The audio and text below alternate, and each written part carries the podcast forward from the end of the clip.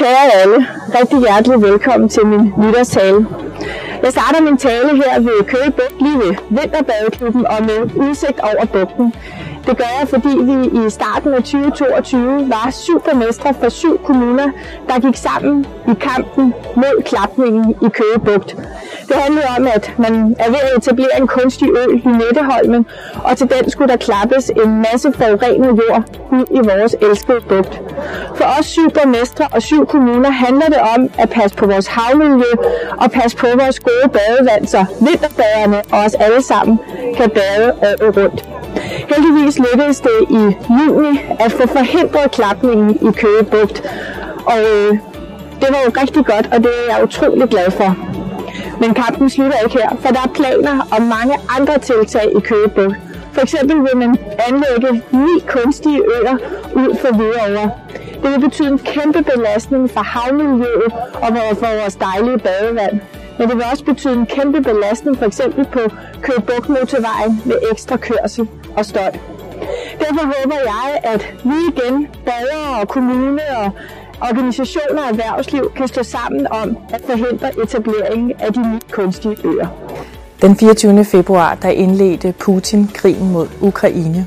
Det ændrede verdens dagsorden. Lige pludselig så kom krigen tæt på os. Vi har taget imod 326 ukrainske flygtninge her i Køge Kommune. Derfor er jeg taget herud i Center for Dansk og Integration.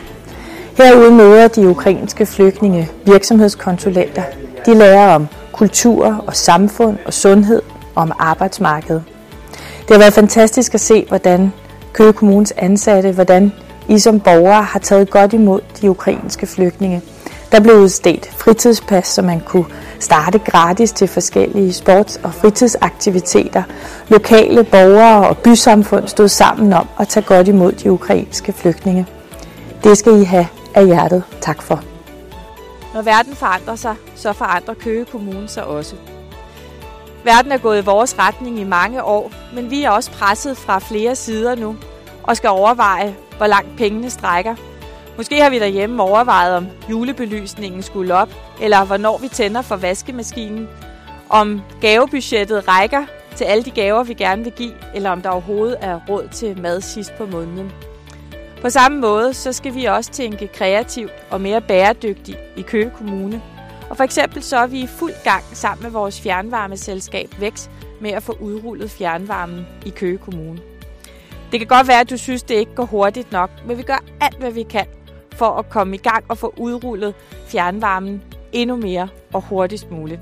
Alle borgere har fået et brev om, hvad I kan forvente af fjernvarme i jeres område. Nogle har fået en præcis dato, andre har fået at vide, i hvilken periode og årstal man kan forvente udrulning af fjernvarme. Andre igen i Bjergerskov og Ejby og Vemmedrup, der er man gået sammen om at se på, om man selv kan stifte et fjernvarmeselskab. Super sejt. Og andre områder igen, i landområderne, der er det ikke på samme måde muligt med, fjern, med fjernvarme, men her kan man jo kigge på varmepumper.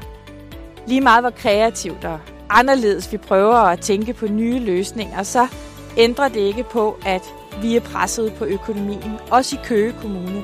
Vi oplever også stigende udgifter til at opvarme vores plejehjem og daginstitutioner og folkeskoler. Vi oplever også stigende udgifter på det område, som vi kalder det specialiserede socialområde i faglige termer. Det handler om børn og voksne, som lever med handicaps og diagnoser, og hvor mængden af de mennesker, der får de diagnoser, de stiger. Det betyder, at økonomien til det også stiger. Og der er tale om komplekse problemstillinger, og hver, bag enhver problemstilling er der jo en trist menneskelig skæbne, hvor vi som fællesskab skal finde nogle gode løsninger for mennesker, som gerne vil leve som almindelige borgere. Det får mig til at tænke på, at vi har brug for et stærkt fællesskab. Vi har brug for bæredygtighed på klima og på det grønne område, men vi har også brug for bæredygtighed, når det handler om det, der er imellem mennesker, og om et stærkt fællesskab. Ikke kun når det handler om havmiljø og når den økonomiske krise krasser, eller når det handler om at modtage ukrainske flygtninge. Det handler også om, når mennesker har det svært. Jeg oplever en enorm stor velvillighed blandt jer borgere i Køge Kommune til at stå sammen og løfte i fællesskab og være medborgere for hinanden. Og det er mit ønske for nytåret, for 2023, at vi fortsat finder styrke i det fællesskab, så vi kan passe på vores Køge Kommune, passe på vores klima, men især passe på hinanden. Rigtig godt nytår.